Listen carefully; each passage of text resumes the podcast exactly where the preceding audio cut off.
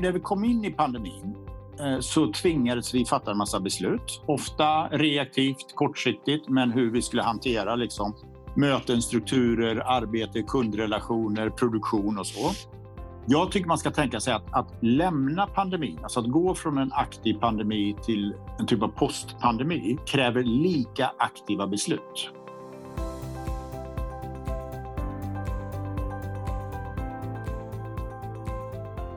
Då var det dags igen. Nytt avsnitt av Konkurrenskraft. Podden där vi pratar om eh, framtidens beslutsfattande, verksamhetsstyrning och ledarskap. Jag heter Robin Askelöv och är marknadschef på Hypegen som ju ger ut den här podden. Och eh, Hypegen det är fortfarande och som vanligt ett techbolag där vi brinner för just beslutsstöd och verksamhetsstyrning. Och här i podden, ja, vi fortsätter att testa nya vinklar på hur vi som beslutsfattare kan bli bättre rustade inför framtiden. Det gör vi genom att träffa intressanta människor med spännande erfarenheter och perspektiv. Och ni som har hängt med ett tag här, ni som har lyssnat på podden, ni, ni vet ju att jag, jag, brukar ofta komma tillbaka till det här med att hantera och driva förändringar. Eh, kanske för att det är i förändringen som vi ju skapar framtiden. Och idag så ska vi prata om förändringar med en person som visat sig vara väldigt skicklig på att driva just det.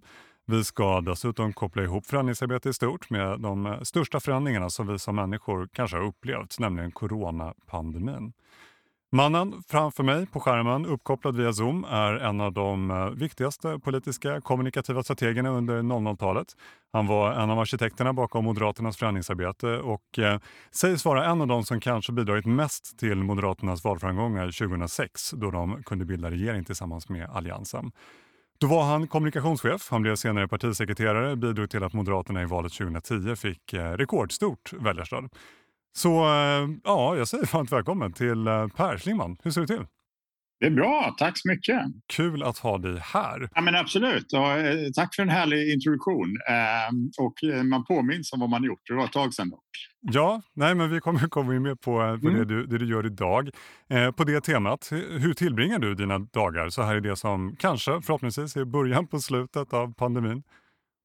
Ja, men det ju, har ju varit ganska olika de sista åren. Jag gör ganska många olika saker. Eh, jag kommer ihåg när jag lämnade politiken, det var 2013. Då, mm.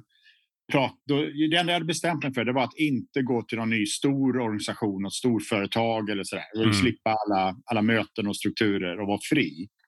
Men alla tips jag fick från alla jag pratade med sa så här, du måste fokusera på någonting, du måste fördjupa. Mm. Men det, det jag märkte själv att jag har gjort i tilltagande grad hela tiden, det är att jag gör rätt många olika saker. Mm. Just nu så eh, består tillvaron väldigt mycket av föreläsningar eh, ut, om just det du nämnde. Världen efter pandemin. Eh, vad är varaktigt och hur kan man ha med det i sitt strategiska beslutsfattande? Mm. Men också ganska mycket entreprenöriella projekt. Jag håller på med fastighetsprojekt. Jag eh, tillsammans med några andra har tagit fram en hantverksgin. Eh, okay annat som är en kombination av eh, entreprenörskap och lust. Mm. Spännande, det låter som mm. blandade mm. dagar. Kul. Mm. Eh, och, och vi, som sagt, vi kommer att prata om mycket idag. Ämnet är mycket förändring, effekten av pandemin. Vi kommer att prata om boken Corona Express som du kom ut med här i våras, skrivet tillsammans med Kjell A Nordström. Kommer tillbaka till det.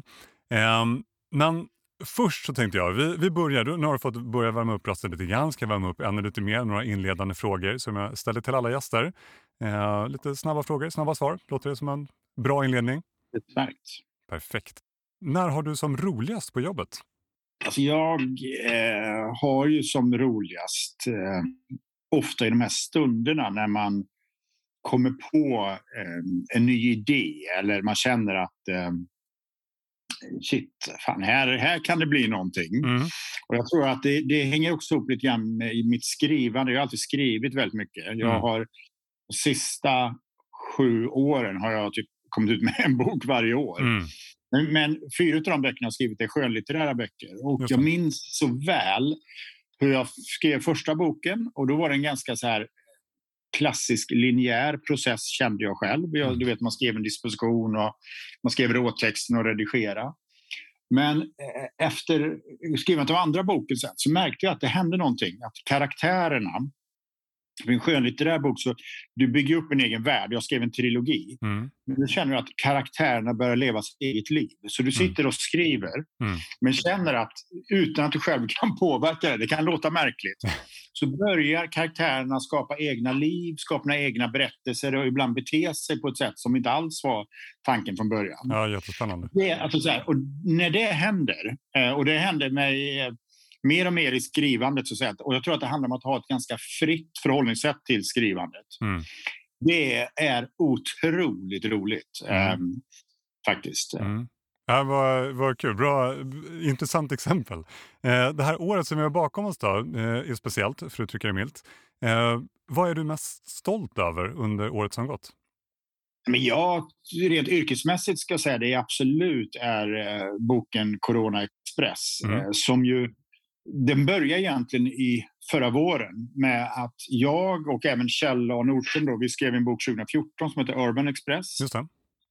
som en global trendspaning. Och likt alla andra så när pandemin kom så var vi dels ganska dystra eh, men vi började också naturligtvis prata väldigt mycket om det. Och vi kände, eller jag själv kände i alla fall väldigt mycket att det var som en stor skog. Det var väldigt svårt att se som trädtopparna. Vad är avklingande? Vad kommer bli bestående effekter och så vidare. Mm. Så att, eh, så jag köpte liksom en stor tjock svart anteckningsbok och så började jag skriva ner liksom noteringar och läste analyser och sådär. Kjell hade då hade ett sommarprat eh, Mm. och vi började prata om det och sen så landade vi i den här idén att den här pandemin kan man nog se som en tidsmaskin snarare än som disruptiv. Mm. Eh, men sen att vi, att vi tog det sen hela vägen och faktiskt eh, skrev en bok. Mm. Det är jag väldigt glad över och eh, lite stolt över. Mm. Ja, jag förstår det. Och, vi pratade lite innan. Du har ju många uppdrag just nu där ute och pratar just på det temat. Vi kommer komma in på, på flera av de delarna som finns i den här boken. Jätteintressant. Du eh, behöver inspiration, tänker jag, för att utvecklas i det du gör. Var, var hittar du den någonstans? Jag, främst så hittar jag den i diskussioner och samtal med andra. Jag, jag har ju under ett par års tid nu haft förmånen att träffa rätt mycket vet, företag och branscher och sådär. Man är ute och föreläser och pratar. Jag bestämde mig för några år sedan att jag ska försöka lära mig någonting av alla, alla uppdrag jag gör. Alltså inte Mm. bara komma ut och ge min berättelse, utan jag ska lära mig någonting. Mm. Eh, och det, eh, det känner jag, det ger mig ganska mycket inspiration. Jag har också själv alltid sett populärkulturen som en väldigt, väldigt viktig inspirationskälla. Mm. Så jag försöker följa populärkulturen, eh, numera också allt mer liksom i Youtube-form och sådär. Mm. För att jag tror att den här breda populärkulturen eh, tvingas eh, på sätt och vis anpassa sig till eh, många människor och förstå liksom, mekanismerna bakom varför vissa programformat blir framgångsrika och sådär. Mm. Och sen tror jag det andra tror jag, det är att låta tillåta sig att ens lust spelar in. Mm. Eh, och jag, eh, som ett rent lustfyllt projekt så har jag under kanske två års tid något sånt där, kommit allt mer in i gastronomin på olika sätt. Okej. Skrivit en gastronomisk feelgood-roman med Mm. Carl Jung som är kock eh, eh, och gjort eh, ett program för Årets kock och sådär. Eh, och just nu så läser jag exempelvis en fantastisk bok jag måste rekommendera alla som heter Jord av Bill Bufford som eh, försöker, som flyttar till Lyon och läser det, det franska köket. Mm. Riktigt eh, nördigt skulle vissa säga. Eh, men det är ganska inspirerande. Eh, så jag, jag tror att man kan inspireras och lära av det mesta. Mm. Det handlar rätt mycket bara om att ha ett, liksom ett, ett öppet förhållningssätt, Mm. inte vara för låst i sin egen värld, världsbild. Mm. Ja, kul, det låter som att du, du plockar inspiration från många olika håll. Tänker brett snarare än smalt. Jag tänker brett och tänker lust. Ja, ja men kul. Så, eh, Per Schlingmann, vi ska prata mycket om dina tankar kring världen efter Mm. pandemin. Eh, och som sagt, delvis med bas i den här boken som vi har nämnt några gånger nu, Corona Express. Eh, men först så tänkte jag att vi ska börja i eh, området förändring i sig. Eh, dels därför att du har haft dina största framgångar kopplat till just förändring. Eh, och jag tänker också att det är där som pandemin någonstans både började och, och förhoppningsvis slutar med just de här jättestora förändringarna som påverkar ju oss människor på sätt som vi kanske aldrig hade kunnat, kunnat förutse. Så. Eh, men om man börjar från början, eh, eller kanske inte alla från början, men, men jag tänker att det här med var, var någonstans din, din bana här inom förändring började. Du, du, du har gjort en karriär på att driva förändringar. Eh, och som jag har förstått det när jag lyssnat på dig tidigare så menar du att ett, eh, ett företags förmåga att tänka nytt, eh, våga pröva nya vägar är lite avgörande för framgång. Och inte nog med det, man ska sträva efter att mer eller mindre alltid vara i förändring. Om du bara liksom bottnar där, berätta, varför är det så? Varför tänker du så? Jag tänker så att vara i förändring innebär att vara fullt öppen utan låsningar i världsbilder kring hur min marknad, bransch fungerar. Vara fullt responsiv för vad som händer i omvärlden. Och jag tror att, att det tillståndet är det långsiktigt bästa för eh, både företag och organisationer. Jag brukar tänka om man ska ta ner det till en mer handfast eh, verklighet så handlar det lite grann om att se alla beslut som nya beslut. Mm. Så fungerar inte vi människor, utan vi människor är ju i grunden latmaskar i meningen att vi, vi, vi använder minimal med energi för att åstadkomma det vi vill. Mm. Jag, jag, brukar ofta tänka på eh, när man gör liksom nya affärer, nu ska vi ha en budget och affärsplan för 2022. Mm. Just det kommer i år vara annorlunda. Mm. Men annars så var det väldigt ofta, men vi tar den som låg till 2021 och sen kör vi eh, copy-paste på den och stoppar in lite nya siffror och sådär. Mm. Istället för att börja med ett blankt papper. Och jag menar att ingen eh, kommer börja med ett blankt papper, men att ibland pressa sig själv och göra det. Att verkligen liksom ifrågasätta eh, sina värderingar, sina beteenden. Mm. Men jag ska helt ärligt säga att, att jag, jag skrev ju en bok kring detta, 20, det måste ha 2013, 14 som heter Stå aldrig still. Ja, just det. Då var jag väldigt, väldigt upptagen med detta. Mm.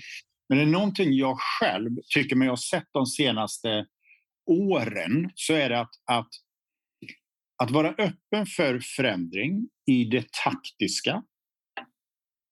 Men att vara långsiktig i liksom sitt ägande, sina värderingar. Så jag har i tilltagande grad eh, ser jag själv värdet i långsiktighet och jag är väldigt mm. övertygad om att de familjeägda strukturer vi har i Sverige med ett långsiktigt ägande, mm. det pratar vi liksom Axelsson Jonsson, Wallenberg ja, och så vidare, mm.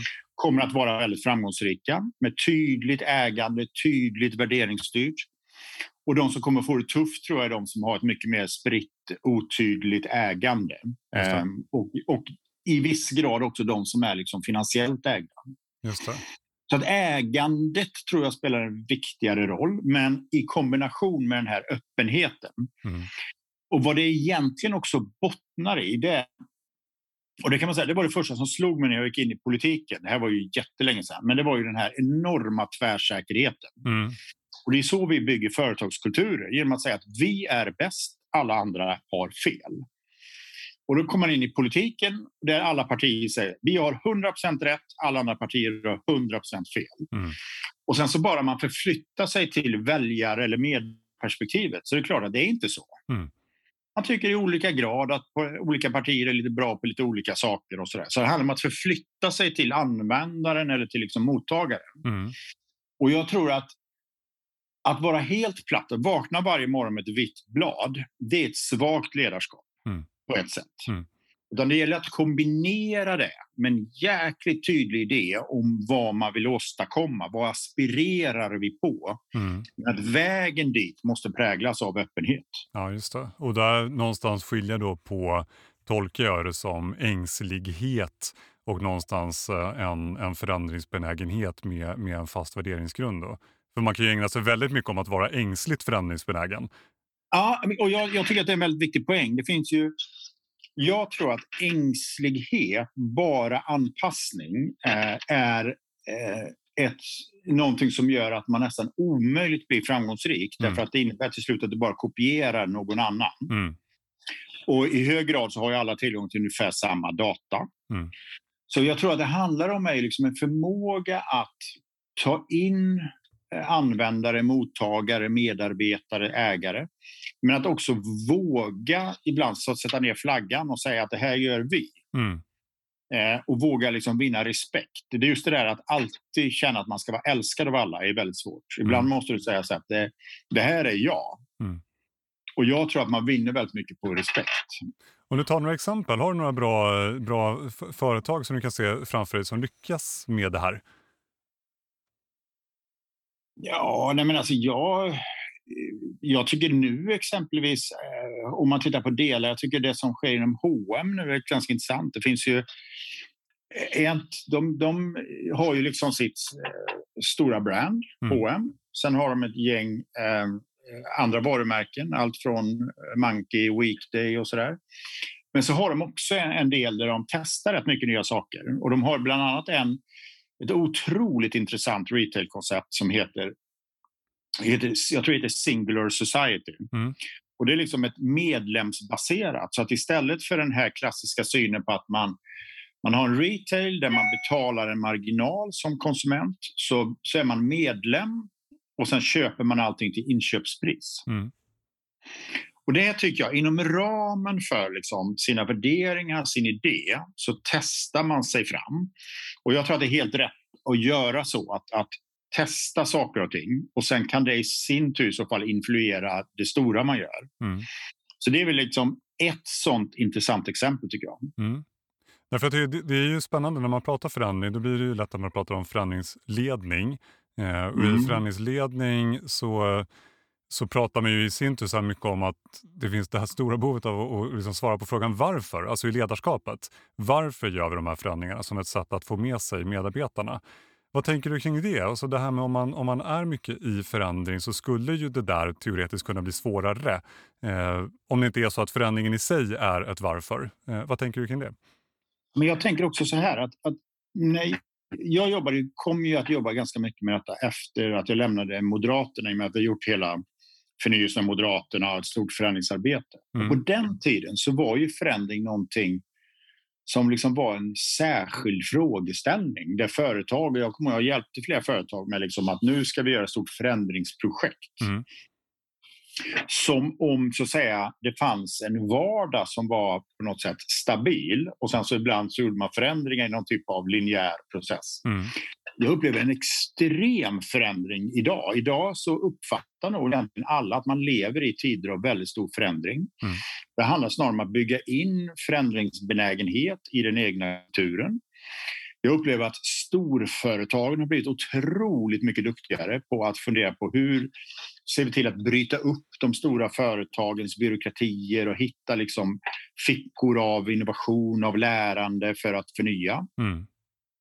Så jag skulle säga att det här varför. Tidigare handlade det om att, för, att förklara varför ska vi förändras. Mm. Idag handlar det här mycket mer varför. Vad är vår aspiration? Vad ska vi vara? Mm. Eh, och sen så genom att hitta olika vägar fram. Och pandemin har ju förstärkt detta i och med att plötsligt så kom det någonting som tvingade oss till att använda befintlig teknik, mm. tvingade oss till innovation när det gäller liksom, processer inom företag och relationer med kunder och sådär. Mm. Och som visar sig, och jag tror att många är fortfarande chockade, det gick att jobba med internationell förs försäljning utan affärsresan. Mm. Så att så nu tror jag att det är liksom, det, det som då handlar om förändringsledning är idag ledarskap. Mm. Nej, men precis. Och, och, den kommunikativa dimensionen har blivit gradvis viktigare, mm. men har liksom blivit logaritmiskt viktigare nu när vi också jobbar på distans. Mm. Därför att, att leda på distans kräver mycket mer av kommunikativa skills, kräver mycket mer av ett visionärt ledarskap, mm. mycket mer empati. Mm och samtidigt mycket mer struktur. Mm. Ja, jätteintressant det där. Och eh, jag tänker, en reflektion jag får när, du beskriver det här också med eh, alltifrån att någonstans grunda de här bitarna i sina värderingar, det långsiktiga ledarskapet, det visionära och så vidare. Så tänker jag på, eh, jag hade en gäst för, för några avsnitt sedan, Sara Örvall som du, mm, som du kanske känner.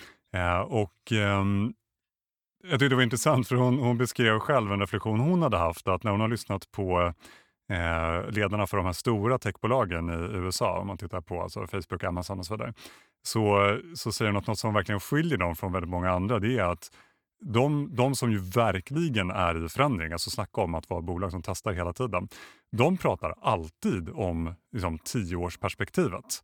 Eh, och är, man kan nästan tycka att det är fånigt att den typen av bolag att prata tio år för att det, det är liksom, de, de, är per definition nästan i förändring. Sådär.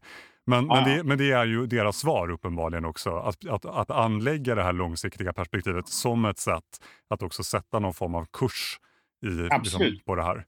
Ja, ja, och det roliga är också tycker jag eh, att man le de lever verkligen efter devisen att ständigt försöka vara en startup. Mm och lyckas med det. Trots att jag tror att de här FANG-bolagen är väl då mer än hälften av värdet på amerikanska börsen. Ja, men exakt. Ändå definierar de ungefär som lite startupbolag. Mm. Eller Spotify. Sådär. Så det, det, är också den här... Och det tror jag är den här förändringsbenägna kulturen. Att mm. vara liksom, aldrig växa upp riktigt. Mm. Aldrig bli vuxen på riktigt. Mm. Du, jag tänker en annan sak. Alltså, du är ju i grunden kommunikatör. Då har ju du kommunikation och storytelling som eh, som viktiga verktyg. Hur stor del av förändringsarbetet skulle du säga är att ha en historia som förnyas? Alltså jämfört med att man faktiskt ändras i, i själva liksom verksamheten. Ja, men jag, jag tror att det hänger ihop. För att lite grann är när du säger så här, att ändras i verksamheten, att fatta andra beslut, mm. att se på kunder på andra sätt. Det är liksom bevisen som gör att din berättelse blir trovärdig. Mm. Du kan aldrig bara ha en berättelse utan att du lever upp till det. Och det är ofta det är många företag som råkar ut för det, att man lovar för mycket och sen så känner man när man använder tjänsten att oj, det var ju likadant. Liksom.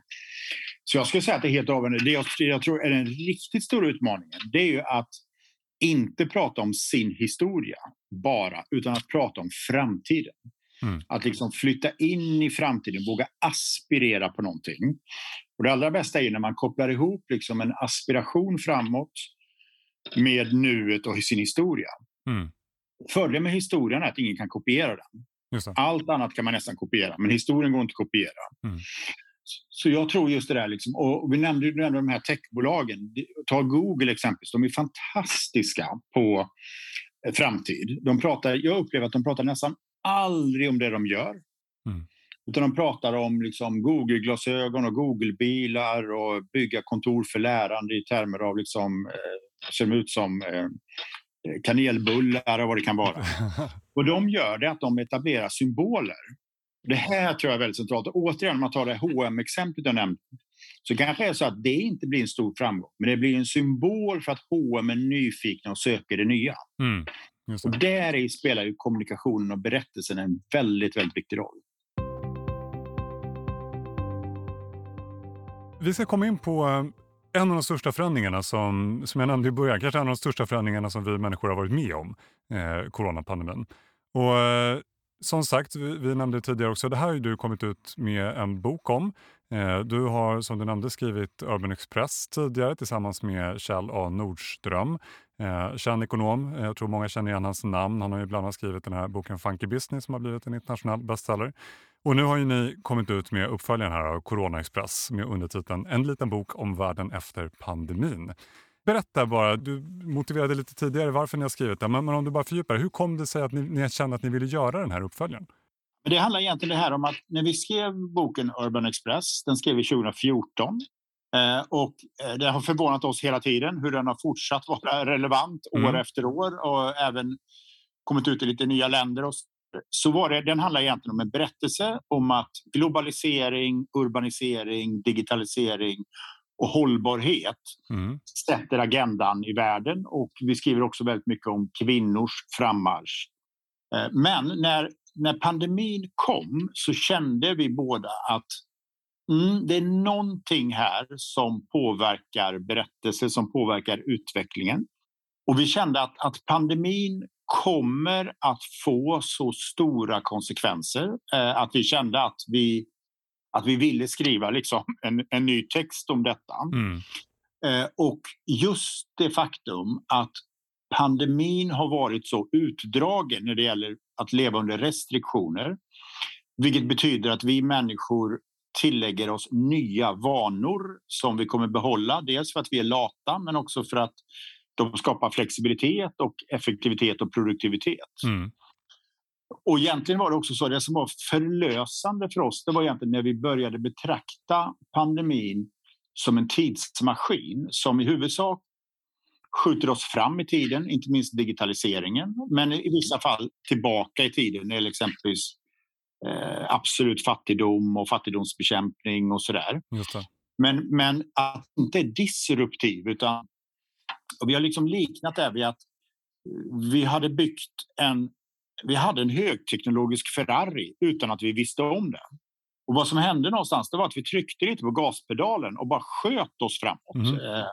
Eh, ja, men som gymnasieskolan på en vecka så eh, gick vi från fysisk undervisning till digital undervisning. Jag vet att Ericsson exempelvis, de hade köpt in Teams, aldrig använt det. Mm. Direkt använde det. Jag pratade med vd för ett av våra, våra begravningsentreprenörer som berättade att de hade kämpat i flera år för att försöka ha direktsända begrav, livestreamade begravningar. Plötsligt gick det. Just det. Så på något sätt var det så att vi kom att använda ny teknologi och liksom kapade tiden mellan det som är teknologiskt tillgängligt och vår användning. Mm.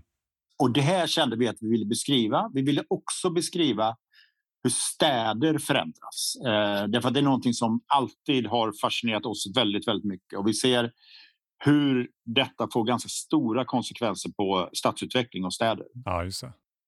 I boken här eh, så, så kommer ni in på tre övergripande scenarios som, som ni ser. Eh, om jag minns rätt här nu, jojo-scenariot var ett av dem. Eh, det är i princip att vi stuttar tillbaka till mm. hur det var innan. Håll avstånd-scenariot handlade om att Ja, egentligen att coronaviruset är här för att stanna. Hemska tankar. Ja, det, vi kommer att fortsätta leva ungefär som vi gör nu. Med... Ja, ja, men exakt. Ja. Och, och, sen så fanns det ju det här hybridscenariot då, som var mm. någon, någon, form av blandning. Nu har det ju gått några månader sedan boken kom ut och, och någonstans så förändras ju saker hela tiden. Här. Kan du berätta mer om vad du just nu ser som det mest troliga scenariot framåt?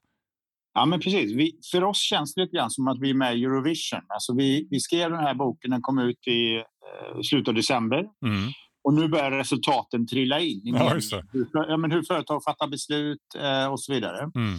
Och jag skulle säga att utifrån perspektivet norra Europa så är det uppenbart att hybridscenariot är det som är utgångspunkten. Mm. Nämligen hur kan vi kombinera eh, en värld där vi lever utan restriktioner och de möjligheter mm. som finns mm. med digitala verktyg. Eh, och vad vi ser, några exempel är ju, om man tar exempelvis eh, Marcus och Jakob Wallenberg var ute för någon vecka sedan och sa att när de tittar på styrelsearbete i framtiden, mm. att gå ifrån sex fysiska styrelsemöten till fyra fysiska, fyra digitala. Mm. Ericsson tittar på att kapa budgeten för internationellt affärsresande med hälften.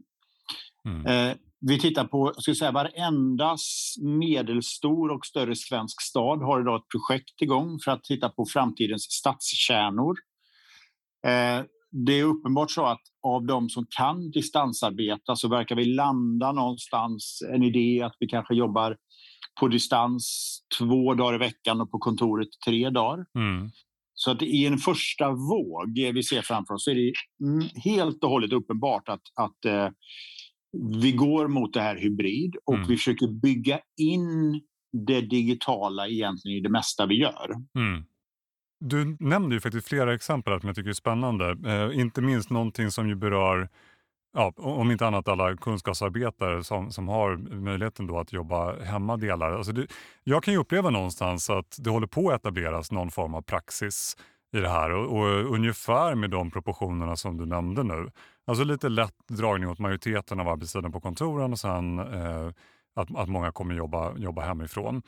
Och eh, en, en del siktar ju visserligen på att komma tillbaka helt, andra siktar ju på full flexibilitet. Jag vet att Spotify till exempel, eh, de pratar ju om att låta, låta medarbetarna jobba hemma 100% Men jag, jag tänkte faktiskt fånga upp den, för jag hörde en annan intervju med dig och Kjell Eh, och då, eh, just på temat Spotify så, så sa Kjell, och då är det citat här, det är sällan man hör någon som har exakt fel. Jag tyckte det var ett ganska kul citat om just den här idén om att jobba hemma 100 och eh, han sa det ju kopplat till att digitaliseringen inte löser allt och att, att det uppstår någon form av mm. magi då här mellan, i mötet mellan människor. Och, och i intervjun där så, så tolkar jag som att du höll med.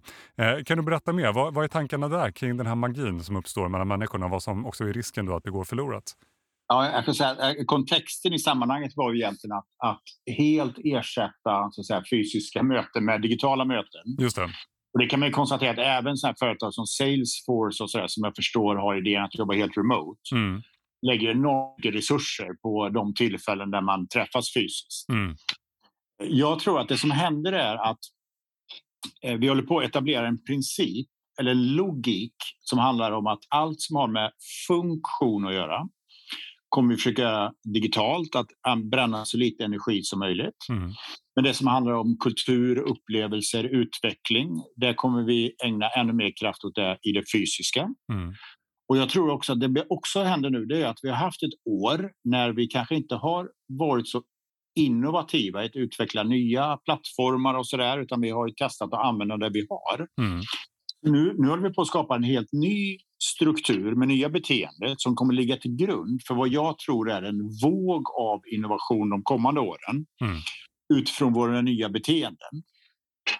Men jag och Kjell, vi konstaterar redan i, i boken Urban Express att i en värld som digitaliseras så får det som inte kan göras digitalt ett ökat värde. Så jag skulle säga att, att det finns en enorm eh, magi i det fysiska mötet mellan människor.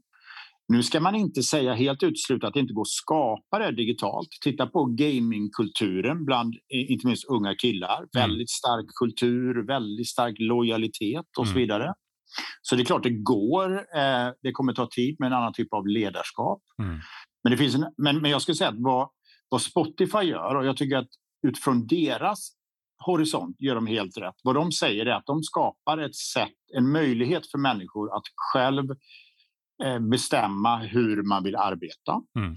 Man i huvudsak vill arbeta hemma eller i huvudsak på kontoret. Man ska komma ihåg att Spotify har relativt unga medarbetare. Mm. Unga medarbetare är de som mest längtar tillbaka till kontoret. Det är de som mest ogillar distansarbete. Mm. Eh, och Spotify, det handlar ju någonstans om att faktiskt som kontor förtjäna att människor vill vara på kontoret. Just det.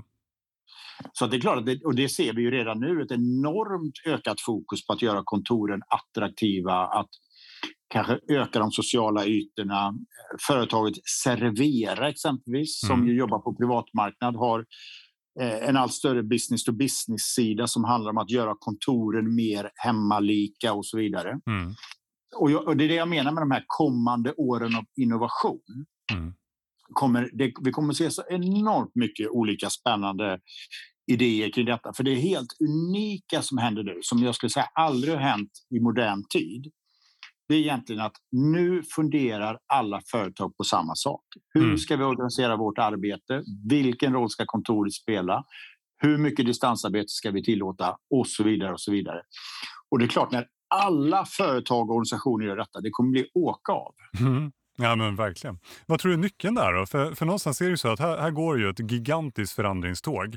Och, och någonstans så kan man ju tänka sig att det finns då mer eller mindre bra nycklar för att skapa förutsättningar för att hänga på den här förändringen som gör att man kommer ut på andra sidan bättre än sina konkurrenter. Och det är egentligen det mm. alla vill. Vad är nycklarna där skulle du säga? Ja, men jag tror nycklarna är, för det första är en nyckel, det är att fatta, det är så här, jag tror att när vi gick in, när vi, när vi kom in i pandemin så tvingades vi fatta en massa beslut. Ofta reaktivt, kortsiktigt, men hur vi skulle hantera liksom, möten, strukturer, arbete, kundrelationer, produktion och så. Mm. Jag tycker man ska tänka sig att, att lämna pandemin, alltså att gå från en aktiv pandemi till en typ av postpandemi kräver lika aktiva beslut. Mm. Nu är tid för aktiva beslut. Jag tror att man måste först bestämma sig för vilken roll eh, talangattraktion spelar. Jag tror att de som driver hela den här utvecklingen i väldigt hög grad är talangerna. Mm. Det är jättetydligt så. Inte minst högutbildade kvinnor tycker att flexibilitet är något som blivit otroligt viktigt. Flexibilitet och vad de kallar för kvalitet i ledarskap. Mm. Det andra tror jag är att bestämma sig för vad vill vi? Därför att det som har hänt eftersom en pandemin har blivit utdragen, det är att det har vuxit fram en, kallar för en remote-kultur. där det finns förväntningar bland eh, det du kallar för kunskapsarbetare om flexibilitet framåt. Mm.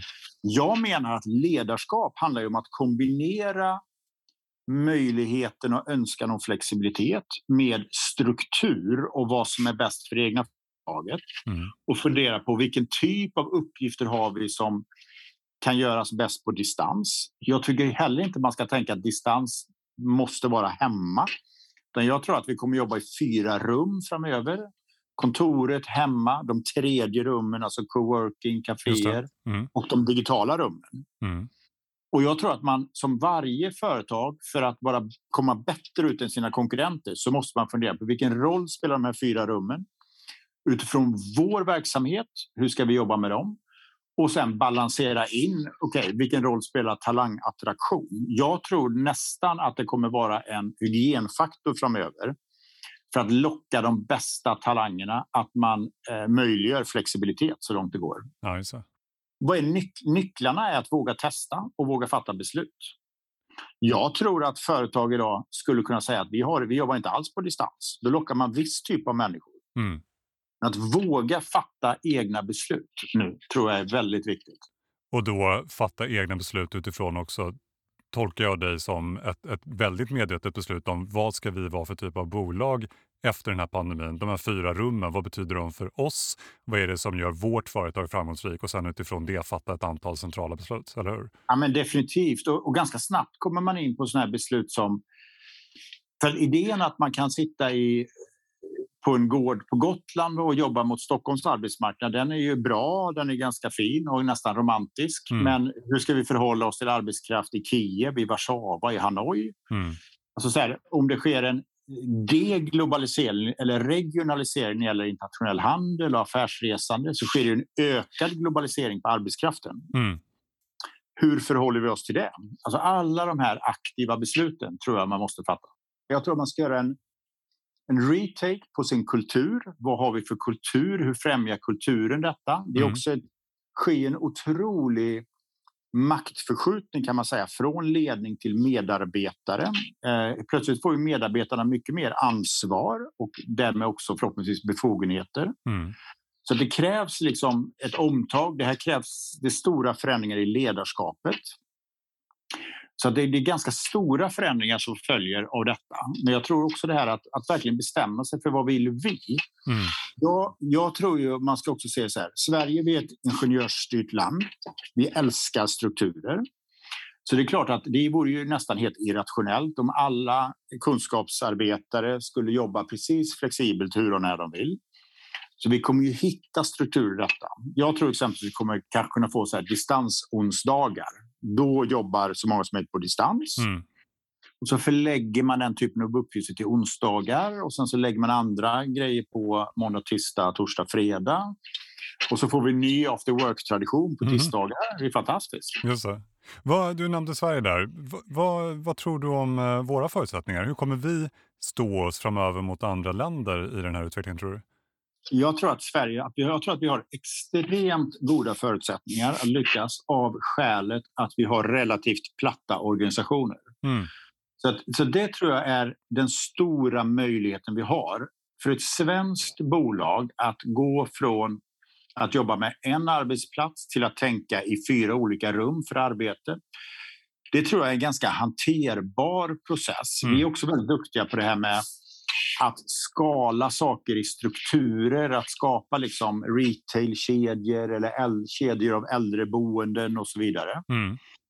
Eh, däremot så tror jag att det vi har en utmaning delvis kring det är liksom att ställa om ledarskapet. Eh, eh, för jag tror att det krävs ett mycket, mycket tydligare ledarskap. När alla sitter och jobbar i högre grad geografiskt oberoende så måste mm. alla förstå och känna hur spelar det jag gör in i en helhet? Mm, det. det. är någon som har sagt det där att, att vi riskerar att ersätta stuprör med sugrör annars. Alltså att man är inne i sitt sugrör. Man vet, man vet vad man själv gör, men man vet inte vad någon annan gör. Ja, exakt. Och det säger rätt mycket om tror jag, den här kommunikativa utmaningen. Ja. Du, eh, en sak som jag tycker är spännande. Du, du har ju alltid jobbat med eh, trender, förändringar och du livnär dig på det idag. Du spanar, reflekterar, rådger och så vidare. Vad tänker och tycker du nu som du inte gjorde i januari 2020? Jag skulle säga att den stora eh, skillnaden nu mot januari 2020 det var att då var jag aldrig så mycket av en dysterkvist. Eh, jag, ja, men jag tillhörde de som trodde att nu kommer liksom en femtedel av BNP raderas ut. Mm. Det var ju omöjligt att föreställa sig hur ekonomin skulle snurra när vi stängde av hela världsekonomin. Mm. Du vet, he hela paradigmet de sista 20-30 åren har varit globalisering. Globalisering, global handel, global konkurrens, värdekedjor. Eh, jag kan berätta det här. Vi lanserade en, gin, den var precis klar för lansering men då blev ju liksom flaskorna kvar eh, i ett land och så vidare och vi kunde inte, värdekedjan fungerade inte. Mm. Så jag var ju oerhört eh, dyster. Eh, men vad är det som har hänt? Vi har ju sett dess raka motsats. Vi har ju sett liksom hur ekonomierna är mycket, mycket mer robusta, både ekonomierna och företag. Mm. Vet, vi trodde kanske på minus 30, det blev minus 3. De kommande åren så kommer ju världsekonomin kanske ha den högsta tillväxten på 50 år. Mm. Du vet, I Sverige pratar vi om plus 4% USA plus 6 det är en enorm tillväxt. Mm. Tittar vi på hur anpassningsbara människor varit när det gäller ny teknologi, det är helt fascinerande. Mm.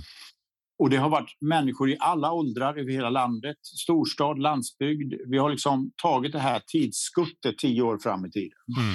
Så, att, så att jag är... Och, jag, tittar man på vaccinframställning så är det också helt unikt. På ett år har vi fram, fått fram ett vaccin. Mm. Vi, vi tittade på det, jag och Kjell, att vi kollade på andra vaccin. Och du vet, det gick från 44 år, eh, tror jag var polio, och sen så gick det liksom 16, 10 och nu är vi på ett år. Ja, det är helt otroligt. Så, att, så att, eh, jag tror att, att eh, bortsett från att det ökar polariseringen, vilket vi såg tidigare. Jag tror vi kommer att ha besvärande långtidsarbetslöshet som följd av pandemin. Mm så tror jag att i mångt och mycket så, så kommer liksom de lärdomar vi drar att föra väldigt mycket gott med sig. Mm. Du, eh, Perslingman, vi kommer gå in för landning i det här samtalet. Och, eh, ja, alltså, jätteintressanta reflektioner. Eh, jag har några avslutande frågor som jag kör till eh, ja. alla gäster. De är lite sammanfattande, de kondenserar lite kring framtiden då utifrån beslutsfattande, verksamhetsstyrning och ledarskap som ju spelar an på, på liksom titeln på den här podden. Så den första frågan här, sett från ditt perspektiv, vad skulle du säga är en framgångsfaktor för framtidens beslutsfattande? Det här är en otroligt bra och viktig fråga därför att jag tillhör dem som tror att vi befinner oss i en väldigt formativ tid när det gäller hur vi tar beslut. Mm. Överge den här gamla idén som är ganska linjär i meningen att vi, vi skaffar oss ett beslutsunderlag, vi fattar beslut och vi utvärderar effekten av beslut. Mm. Och sen har vi det som grund för nästa beslut till att vi lever i en värld när vi inte längre kan överblicka eh, våra kunskaper. Vi måste alltid fatta beslut i osäkerhet. Med andra ord, vi skulle alltid kunna veta lite mer innan vi fattar besluten. Och det gör ju att vi måste gå ifrån att tänka i termer av att fatta så rationella beslut som möjligt till att fatta mycket mer intuitivt baserade beslut. Mm. Så att min slutsats i detta, och som sagt, jag tror vi befinner oss i en väldigt formativ tid, mm. det är att inte ha för hög tilltro till data, utan tänka att beslut handlar om att kombinera data med intuition. Mm.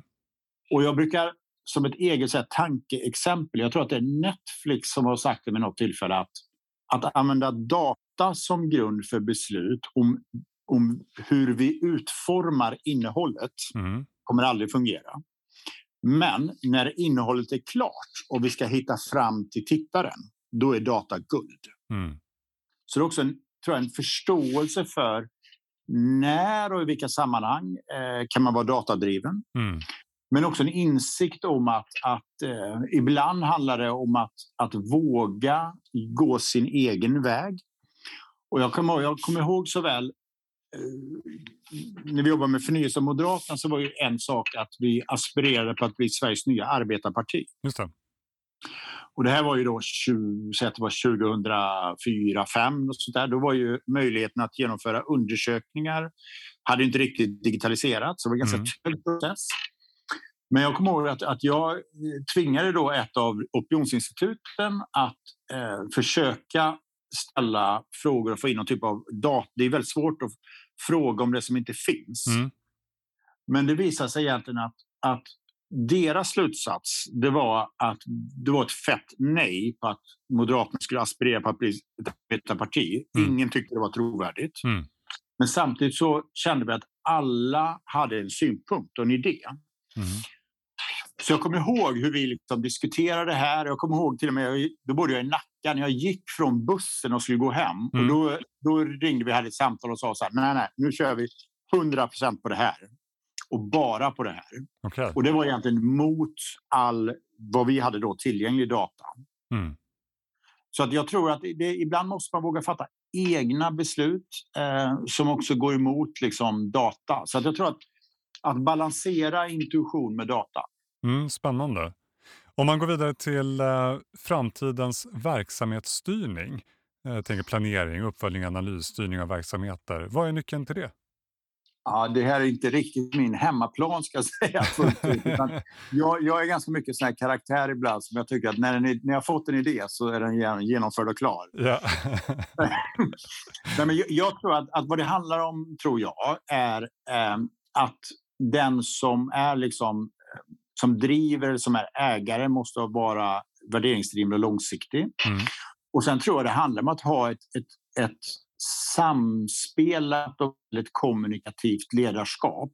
Mm. Men, ska jag säga då, som också i högre grad kräver struktur. Man måste nog dela upp all typ av process ännu mer i ännu mindre beståndsdelar framöver tror jag. Mm. För att visa liksom hela pusslet från idé till genomförande. Mm. Men också våga göra det på ett sätt så att man även när man är inne i ett genomförande, att man vågar ompröva och kanske lite grann jobba med de här, det här japanska med ständiga förbättringar. Ja, just det.